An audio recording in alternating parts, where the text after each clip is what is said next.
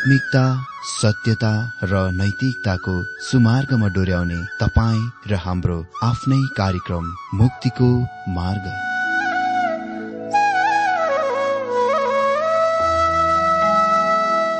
आदरणीय श्रोता यस मुक्तिको मार्ग कार्यक्रममा हार्दिक स्वागत छ। आशा छ यस आत्मिक कार्यक्रमद्वारा जीवनमा आत्मिक आशिष अलौकिक शान्ति र आनन्द प्राप्त गर्नुहुनेछ। र जीवनमा धन्य अनुभव गर्नुहुनेछ। आउनुहोस् श्रोता। मन र आत्माको तयारीको लागि यो मिठो अनि मधुर भजन गीत सुनौ।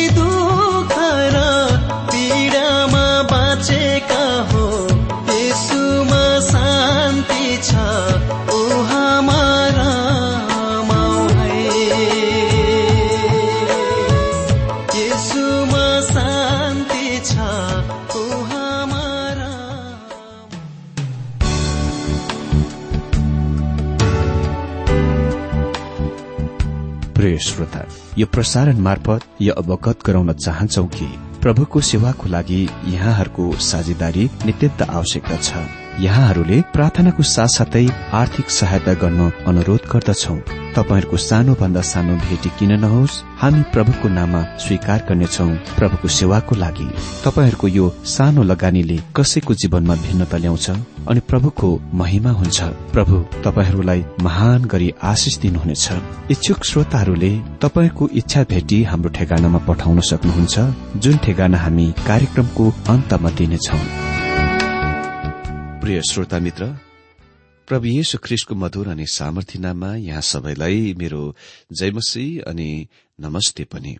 श्रोता पवित्र धर्मशास्त्र बाइबलको क्रमबद्ध र श्रृंखलाबद्ध अध्ययनको क्रममा अघिल्लो कार्यक्रममा हामीले लाउडेसियामा भएको मण्डलीलाई ख्रिस्टको पत्र विषय अन्तर्गत प्रकाश तीन अध्यय चौधदेखि सोह्र पदबाट बाइबल अध्ययन गरिरहेका थियौं। आज पनि हामी यहीबाट बाइबल अध्ययन गर्नेछौ। अनि आज हाम्रो अध्ययनको शास्त्र खण्ड हुनेछ प्रकाश तीन अध्यय सत्रदेखि बाइस पदसम्म। सर्वप्रथममा अघिल्लो दिनमा पाठ गरिसकेको शास्त्र खण्डलाई म एकपल्ट पाठ गरिदिन्छु।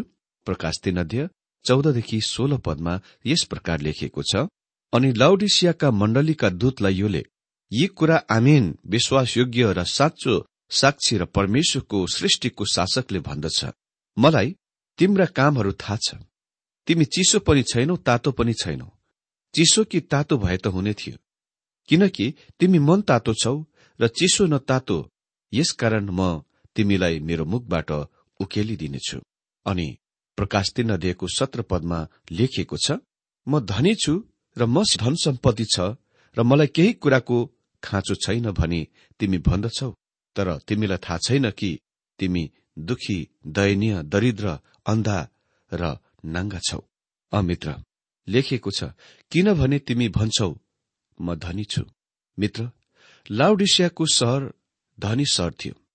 म अनुमान गर्दछु कि लाउडिसिया र सार्डिस त्यस विशेष समयमा त्यो पूरा क्षेत्रमा सम्भव दुई सबभन्दा धनी सहरहरू थिए। तिनीहरूले विश्वास गर्थे कि रुपियाँ पैसा जीवनको प्रत्येक समस्याको हल हो। उत्तर थियो। मित्र धन रुपियाँ पैसाले कहिले पनि कुनै पनि समस्याको पूर्ण समाधान गरेन र गरेको छैन र गर्दैन। लाउडिसियामा भएको मण्डलीले त्यसको कोसिस गर्यो। म धनी छु र म धनवान भएको छु। हरेक कुरा छ हरेक सरसामान छ। कुनै कुराको अभाव छैन खाँचो छैन। तर तिमी अभागी दयनीय कंगाल अन्धा र नङ्गा छौ भनी जान्दैनौ। लाउडिसियन मण्डलीलाई आफ्नो भौतिक सम्पत्तिहरूले गर्वित बनायो घमण्डी बनायो। तर ठिक उल्टो स्मरणमा भएको चर्च मण्डली भौतिक कुरामा गरिब थियो। त्यो दासहरूका र गरिब मानिसहरूको झुनको मण्डली थियो। पहिलो शताब्दीका मण्डलीहरूमा त्यहाँ धेरै धनी र कुलिन खानदानी मानिसहरू थिएनन्। पाओले पहिलो कुरन्ती एक अध्यय छब्बीस पदमा लेख्छन् किनकि हे भाइहरू हो तिमीहरूले आफ्नो बोलावटलाई विचार गर। शरीर अनुसार धेरैजना बुद्धिमान धेरैजना बलवान धेरैजना खानदानी लागेका छैनौ। आज पनि धेरै मण्डलीहरू आफ्ना ठूलो संख्याको सदस्यताहरूको आफ्ना मण्डलीका विशिष्ट ठूला बडा मानिसहरूको भेटी चन्दादानहरूको र आफ्नो ठूलो बिल्डिङ भवनको घमण्ड गर्छन्। तर तर धेरै ती मण्डलीहरू वास्तविक आत्मिक रूपमा चाहिँ मनताता छन्। तिनीहरूका आत्मिक स्थिति खस्केको छ। आत्मिक कंगालीमा छन्। मित्र लाउडिसियन मण्डली मौलिक रूपमा धनी भए तापनि आत्मिक रूपमा अति नै कंगाल थियो। यो अरू सात मण्डलीहरूमध्ये सबभन्दा घटिया निच मण्डली थियो।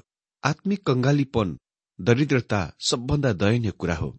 यसमा कुनै परमेश्वरको वचनको अध्ययन हुँदैन ख्रिष्टको प्रेम हुँदैन उहाँको उद्धार गर्ने बचाउने अनुग्रहको कति पनि साक्षी दिन हुँदैन तैपनि त्यो त्यसको आफ्नो सत्य अवस्था स्थितिमा अन्तो छ। त्यसलाई धार्मिकताको पोषकको आवरण वा ढक्काईको कमी छ। मैले एउटा लेख पढेको थिएँ जुन भिर्जिनियाको पास्टरले धेरै वर्ष पहिले आफ्नो मण्डली बुलेटिन समाचार विवरण पत्रमा यो कुरा लेखेथे। यो सर्वसाधारणलाई खुला पत्र हो जुन यस प्रकार छ। प्रिय सर्वसाधारण विश्वासी म काम नलाग्ने बेकार वा अउपयोगी छु भन्ने तिम्रो यो भावनाको मुक्त गर्ने सहायताको लागि यो पत्र लेखिरहेको छु। जुन भावनाले तिमीलाई जकडिरहेको छ। धेरैपल्ट तिमीले भनेका छौ कि तिमी कति पनि देख्दैनौ कसरी ख्रिस्टले तिमी जस्तालाई प्रेम गर्न सक्नुहुन्छ। तिमीलाई त्यस्तो सोच्न बाध्य गराउने निश्चय नै टल्ली हुनै पर्छ। मसँग मेरो मनमा मण्डलीको सफल कथा मानसिकता छ। हाम्रो मण्डलीबाट प्रकाशित मासिक बुलेटिन विवरण अखबारमा अति नै धेरै पैसावाला धनी मानिस जोन जेको कथाले भन्छ जसले आफ्नो प्रभावशाली स्थानको ख्रिस्टको लागि साक्षी दिन प्रयोग गर्छ। जवान पृष्ठमा हामीसँग फुटबल स्टारको साक्षी छ जसले आफ्ना टीम मित्रहरूलाई ख्रिस्टको लागि साक्षी दिँदा आफ्नो आदरको र प्रभावको प्रयोग गर्दछ। हामी यस्तो सोचाइतिर डोर्याएका छौं यदि तपाईँ ठूला बडा प्रभावशाली व्यक्ति हुनुहुन्न भने तपाईँले आफ्नो मुख बन्द राख्नुपर्छ। कसैले पनि वास्ता गर्दैन कि ख्रिस्टले तपाईँको लागि के गर्नुभएको छ। हामीले क्रिस्चियन साक्षीको बारेमा प्रारम्भिक यो तथ्यको भुलेका छौं। त्यो कुनै त्यस्तो कुरा जुनले तपाईँलाई उत्साह दिनुपर्छ। संसारले मूर्ख भन्ने कुरालाई बुद्धिमानलाई शर्ममा पार्न चुन्नु भएको छ। संसारले कमजोर भनिनेलाई बलवन्त शक्तिशालीलाई शर्ममा पार्न चुन्नु भएको छ। उहाँले कमजोरहरूलाई बे अनदारहरूलाई चुन्नु भएको छ। ताकि परमेश्वरको उपस्थितिमा कुनै मानिसले गर्व घमण्ड गर्न नसकोस्। जब यीशु ख्रिस्टले आफ्ना चेलाहरूलाई चुन्नुभयो उहाँले ओलम्पिक च्याम्पियनहरूलाई वा रोमी विधायकहरूलाई चुन्नु भएन उहाँले तिमी जस्ता साधारण मानिसलाई चुन्नुभयो। कोही कोही मछुवारू थिए कोही कोही माछा मार्नेहरू थिए एकजना राजनीतिक उग्रवादी थिए एकजना कर उठाउने जो त्यसमा नगण्य थिए। तर ती मानिसहरूले रोमी संसारलाई ख्रिस्टको लागि अस्तव्यस्त अवस्थामा बदले। पूरा रोमी संसारलाई ख्रिस्टको लागि हल्लाइदिए तिनीहरूले त्यो कसरी गरे? के तिनीहरूका लोकप्रियताद्वारा? अह तिनीहरूसँग त्यस्तो कुनै कुरा थिएन। तिनीहरूका ओहदा स्थान तिनीहरूसँग कुनै पनि त्यस्तो कुरा थिएन। तिनीहरूको शक्ति पवित्र आत्माद्वारा ख्रिष्टको शक्ति थियो। सर्वसाधारण यो नभुल कि हामीलाई अझै संसारलाई तलमाथि पार्न ख्रिष्टको हातमा साधारणहरूको प्रयोग हुने आवश्यक छ। हामी अंग्रेजीमा गीत गाउँछौ। मण्डलीको जग उसको प्रभु येशु ख्रिष्ट त्यो पानी र वचनद्वाराको उहाँको नयाँ सृष्टि हो। अनि स्वर्गीयबाट तल आउनुभयो र आफ्नो पवित्र दुलही बनाउन त्यसलाई खोज्नुभयो। उहाँको आफ्नै रगतले त्यसलाई किन्नुभयो र त्यसको जीवनको लागि उहाँ मर्नुभयो। अनि तर पनि लुबेक जर्मनीमा भएको क्याथेड्रल वा विशाल मुख्य चर्चमा लेखिएको खोपिएको लेख अझै सत्य छ। हाम्रा प्रभु ख्रिष्ट हामीलाई यसो भन्नुहुन्छ तिमी मलाई स्वामी भनी बोलाउँछौ र मेरो आज्ञा पालन गर्दैनौ। तिमी मलाई ज्योति भनी बोलाउँछौ र तिमी मलाई देख्दैनौ। तिमी मलाई बाटो भनी बोलाउँछौ तर ममा हिँड्दैनौ। तिमी मलाई जीवन भनेर बोलाउँछौ र मलाई चुन्दैनौ। तिमी मलाई बुद्धिमानी भनेर बोलाउँछौ र मलाई पछ्याउँदैनौ। तिमी मलाई सुन्दर भन्छौ र मलाई प्रेम गर्दैनौ। तिमी मलाई धनी भन्छौ र मलाई माग्दैनौ। तिमी मलाई अनन्त सनातन भन्छौ तर मलाई खोज्दैनौ। तिमी मलाई कुलीन महान भन्छौ र मलाई सेवा गर्दैनौ। मलाई अनुग्रही भन्छौ तर मलाई विश्वास गर्दैनौ। तिमी मलाई धर्मी न्याय भन्छौ तर मलाई डराउँदैनौ भय राख्दैनौ। यदि म तिमीलाई निन्दा गरे मलाई दोष नलगाऊ। यो नै लाउडिसियामा भएको मण्डली हो। यस्तै नै चर्च मण्डलीको बारेमा स्ट्यान्डलीले बताएथे जब उसले भने चर्चले म पापी हुँ भनी मलाई बताउन विफल भयो। चर्चले गुमेको निन्दित व्यक्तिको रूपमा मसँग व्यवहार गर्न विफल भएको छ। चर्च खालि येशु ख्रिष्ट मात्र पाइने उद्धारको मलाई अफर गर्न विफल भएको छ। चर्च पापको भयानक परिणामहरूको मलाई बताउन अनि नर्कको निश्चयताको बताउन र येशु ख्रिस्टको मात्र उद्धार गर्न सक्छ भन्ने कुरा मलाई बताउन विफल भएको छ। हामीलाई अन्तिम न्यायको धेरै र सुनौलो शासनको कम जीवित परमेश्वरको साथै जीवित शैतानको धेरै स्वर्गीय धेरै प्राप्त गर्न र नर्क नभेट्ने कोसिस गर्न वा नर्कबाट टाढा रहन आवश्यक छ। चर्च मण्डलीले म कहाँ संस्कार वा वरिपरिका सन्देश ल्याउनु पर्दैन तर पुनर्जन्मको नयाँ जन्मको। म त्यस प्रकारको चर्चलाई विफल गर्न सक्छु तर त्यस प्रकारको चर्चले मलाई विफल गर्ने छैन। मेरो मित्र आज हामी लाउडिसियन चर्च अवधिमा रहिरहेका छौं र मण्डली चर्च परमेश्वरको उद्धार गर्ने बचाउने अनुग्रहको साक्षी दिन विफल भइरहेको छ। अठार पदमा लेखिएको छ सत्र पद नै पढिदिन्छु म धनी छु र मसित धन सम्पत्ति छ र मलाई केही कुराको खाँचो छैन भने तिमी भन्दछौ। तर तिमीलाई थाहा छैन कि तिमी दुखी दयनीय दरिद्र अन्धा र नाङ्गा छौ। अनि अठार पद। यसकारण धनी हुनलाई आगोले खारेको सुन र आफ्नो नग्नताको शर्म ढाक्नलाई सेतो वस्त्र र तिमीले देख्न सक भनी तिम्रा आँखामा लाउनलाई मलम यी सबै मबाट किन्ने म तिमीलाई सल्लाह दिन्छु। म तिमीलाई त्यहाँ म सल्लाह दिन्छु। धनी हुनलाई मबाट आगोले शुद्ध पारेको सुन किन? यो चाहिँ ख्रिस्टको अमूल्य रगत हो। आफ्नो नाङ्गोपनाको शर्म नदेखिनलाई सेतो वस्त्र किन? यसले ख्रिस्टको धार्मिकताको बताउँछ। र देख्न सक्नलाई आँखा आफ्ना आँखाहरूमा मलम लगाऊ त्यो मबाट किन? यसले पवित्र आत्माको बताउँछ जसले आफ्ना विश्वासीहरूको आँखाहरू उघारिदिन्छ। यो सल्लाह अति नै अर्थी लाउडिसियामा भएको मण्डलीको लागि धेरै अर्थपूर्ण थियो। सर विलियम रामसेसँग उसको उक्तम पुस्तक एसियाका सात मण्डलीहरूलाई पत्रहरू नामक पुस्तकमा यो मदतगार टिप्पणी छ। लाउडिसियन मण्डली चर्चले सिक्ने र थाहा पाउनै पर्छ त्यो अन्धा छ तर पनि निको हुन नसक्ने अन्धो होइन। त्यो रोगबाट ग्रसित भइरहेको छ र औषधि दवाई उपचारको आवश्यक छ तर त्यसको प्रसिद्ध मेडिकल स्कूलले यसको लागि केही पनि गर्न सक्दैन। टाब्लोइड अर्थात चित्र आदि भएको सानो आकारका समाचार पत्र जुन तिनीहरूले प्रकाशित गर्थे र जुनको अहिले पूरा सभ्य रोमी संसारभरि प्रयोग गरिन्दथे जुनमा विधि तरिका लेखेको हुन्थ्यो कसरी जडीबुटीको धुलो पारेर आँखाको बिमारमा लगाउने। यस्ता औषधि यस प्रकारको आँखाको बिमारको लागि बेकाम छ। लाउडिसियनहरूले टाब्लोइड्स वा त्यो औषधि बनाउने र औषधि प्रयोग गर्ने विधि लेखेको पुस्तक त्यसको लेखक स्वयंबाट किन्नै पर्छ। दुःख कष्टको र अटल स्थिरताको मूल्यमा। उन्नाइस पद।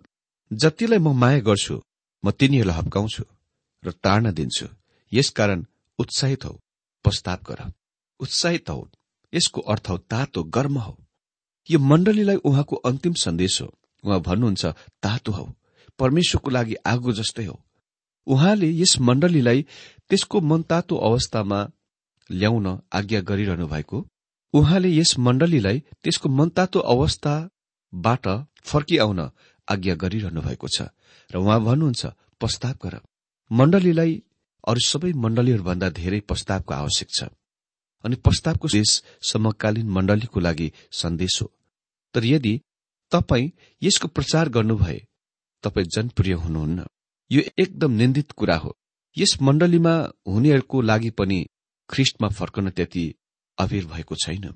जतिलाई म प्रेम गर्छु तिनीहरूलाई म हप्काउँछु पनि। ताड्न दिन्छु। यसकारण जोसिला हौ र प्रस्ताव गर। उत्साहित हौ र प्रस्ताव गर।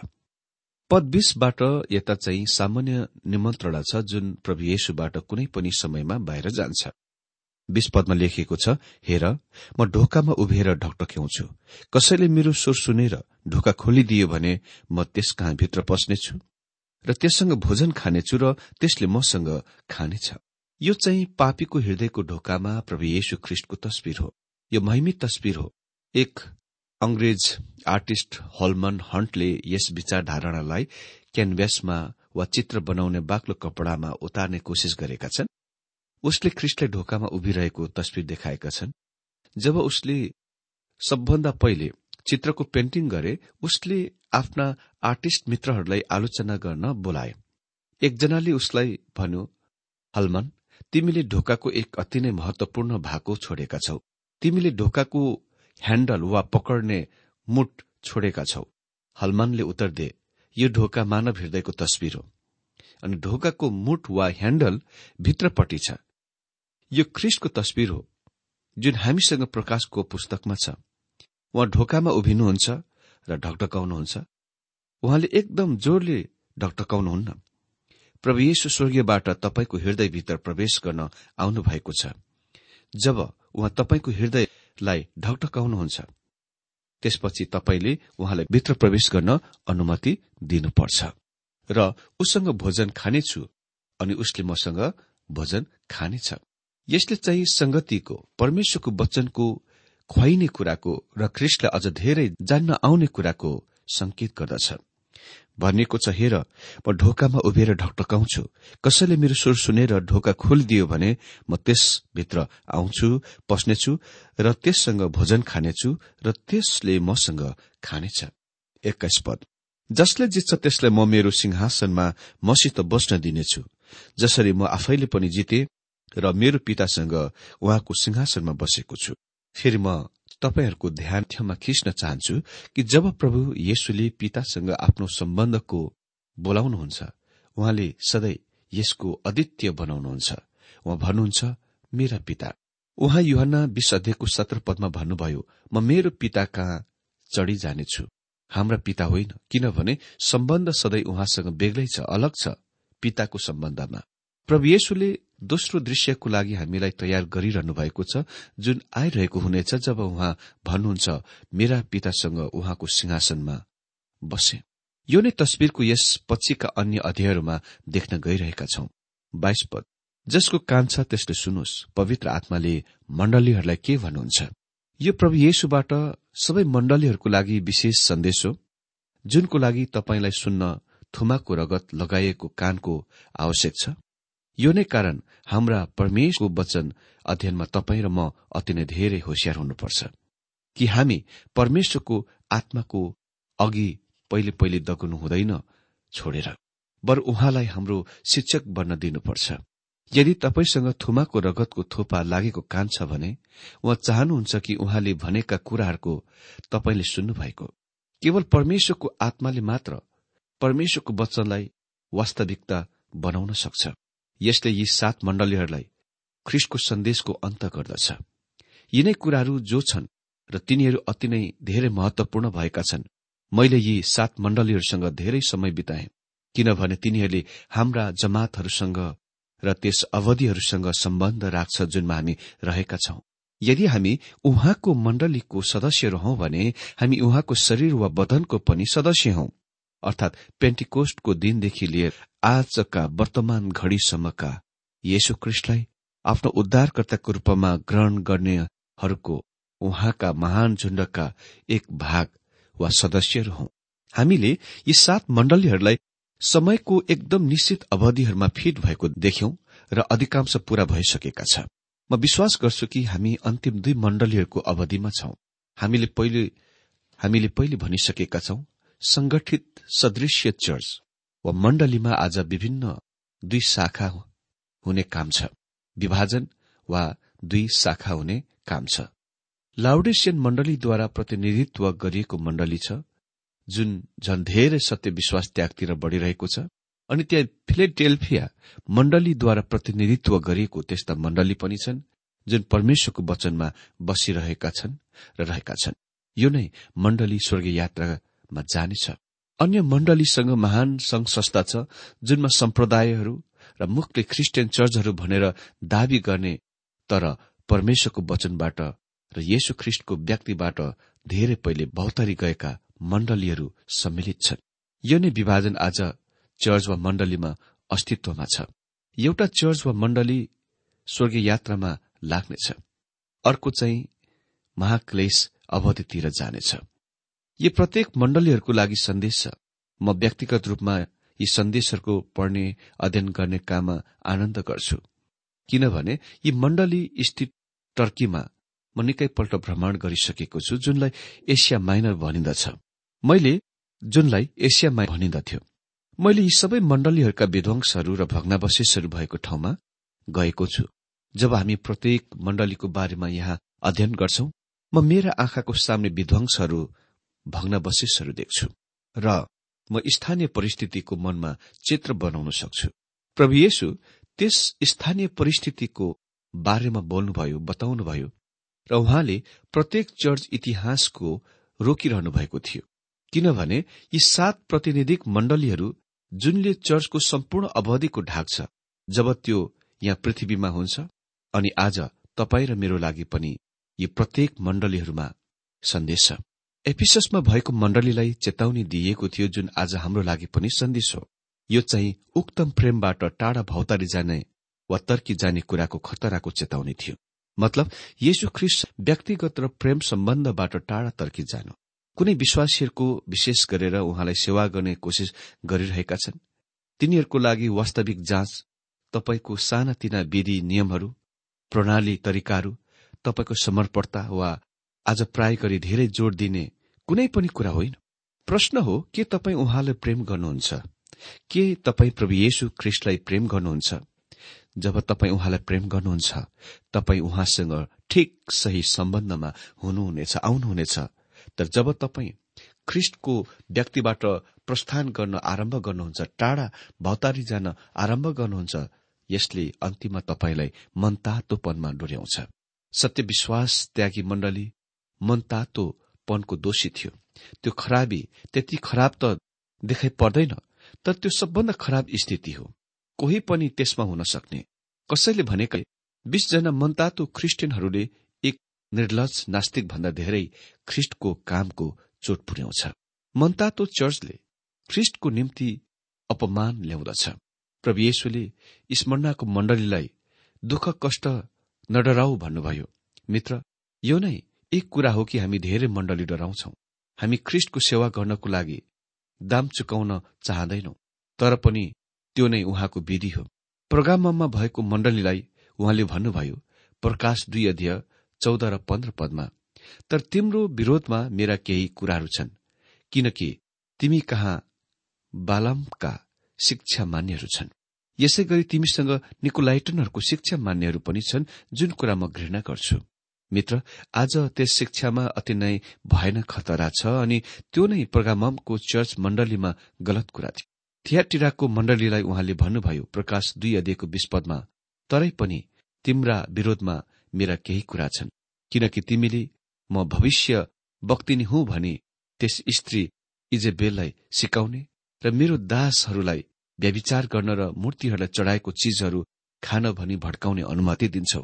आज नयाँ नैतिकता धेरैको लागि खतरनाक हो। केही मानिसहरू सोच्दछन् कि तिनीहरू ख्रिस्टलाई ग्रहण गर्न सक्छन् र त्यसपछि निज जीवन जिउन सक्छन्। मित्र यदि तपाईँ उहाँको वचन बच्चा हुनुहुन्छ भने तपाईँ यसबाट बिना दण्ड उम्कन सक्नुहुन्न। सार्डिसमा भएको चर्च जुनले प्रोटेस्टेन्ट चर्चको प्रतिनिधित्व गर्छ त्यसमा आत्मिक मुर्दापनको खतरा थियो। उहाँले भन्नुभयो तिनको एक पदमा तिम्रा कामहरू म जान्दछु। तिमी जीवित छौ भने तिम्रो नाम चाहिँ त छ तर तिमी मरेका छौ। तपाईँको मण्डलीको बारेमा नि के? के यो जीवित छ? के तपाईँ जीवित हुनुहुन्छ? वा तपाईँ आज मृत ख्रिस्ट मृत मण्डलीमा मृत मरेको अवस्थामा हुनुहुन्छ?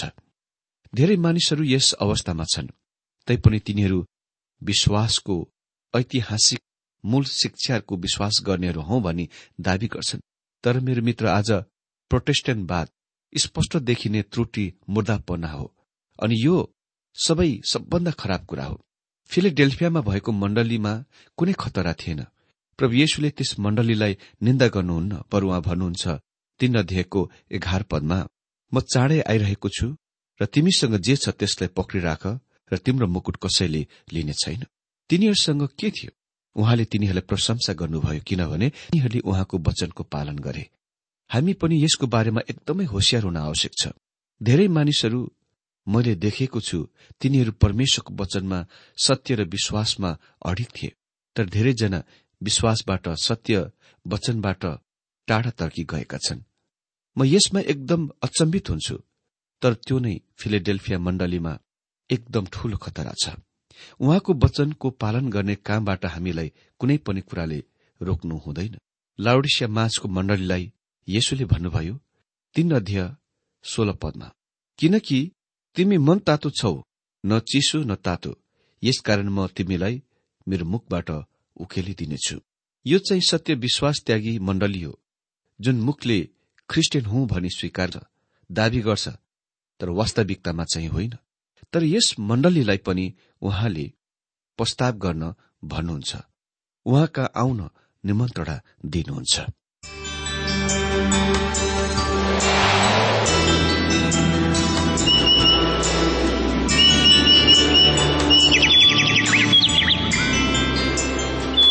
प्रिय श्रोता अहिले भर्खरै तपाईँले टीडब्ल्यूआर नेपालद्वारा सञ्चालित आत्मिक कार्यक्रम मुक्तिको मार्ग सुनिरहनु भएको थियो। श्रोता आजको यो कार्यक्रम सुनेर तपाईँलाई कस्तो लाग्यो? यदि यो कार्यक्रम सुनेर मनमा कुनै खुल्दुली वा कुनै प्रतिक्रिया अर्थात सुझावहरू छन् भने हामीलाई पत्रद्वारा लेख्न सक्नुहुनेछ। हामी हृदयदेखि नै स्वागत गर्नेछौ स्वीकार गर्नेछौ साथै बाइबल सम्बन्धित प्रचारहरू कार्यक्रम सारणीहरू हामी अनुरोधमा पठाउन सक्छौ। अनि तपाईँसँग कुनै प्रार्थनाको विषय छन् भने हामीले तपाईँको लागि प्रार्थना गरेको चाहनुहुन्छ। भने प्रभुमा आफ्नै परिवार सम्झेर हामीलाई पत्रमा लेख्न सक्नुहुनेछ। तपाईँको लागि हामी प्रभु येशुसँग प्रार्थना गर्नेछौ। अधिक जानकारी र पत्रचारको लागि हाम्रो ठेगाना यस प्रकार छ। कार्यक्रम मुक्तिको मार्ग जीपीओ नम्बर उनानब्बे पचहत्तर इपिसी पच्चिस एकसठी काठमाडौँ। ठेगाना एकपल्ट सुन्नुहोला। कार्यक्रम मुक्तिको मार्ग जीपीओ नम्बर उनानब्बे पचहत्तर इपिसी पच्चिस एकसठी काठमाडौँ। हाम्रो इमेल एड्रेस हो TWR Nepal at Yahoo dot com. साथै यस नम्बरमा एसएमएस गर्न सक्नुहुनेछ। अन्ठानब्बे चार सत्तरी पैतिस छ सय उनासी नौ आठ चार सात जिरो तीन पाँच छ सात नौ। हुन्छ श्रोता आजलाई हामी विदा चाहन्छौ। अर्को कार्यक्रममा हामी पुनः भेट्नेछौ तबसम्मलाई नमस्कार।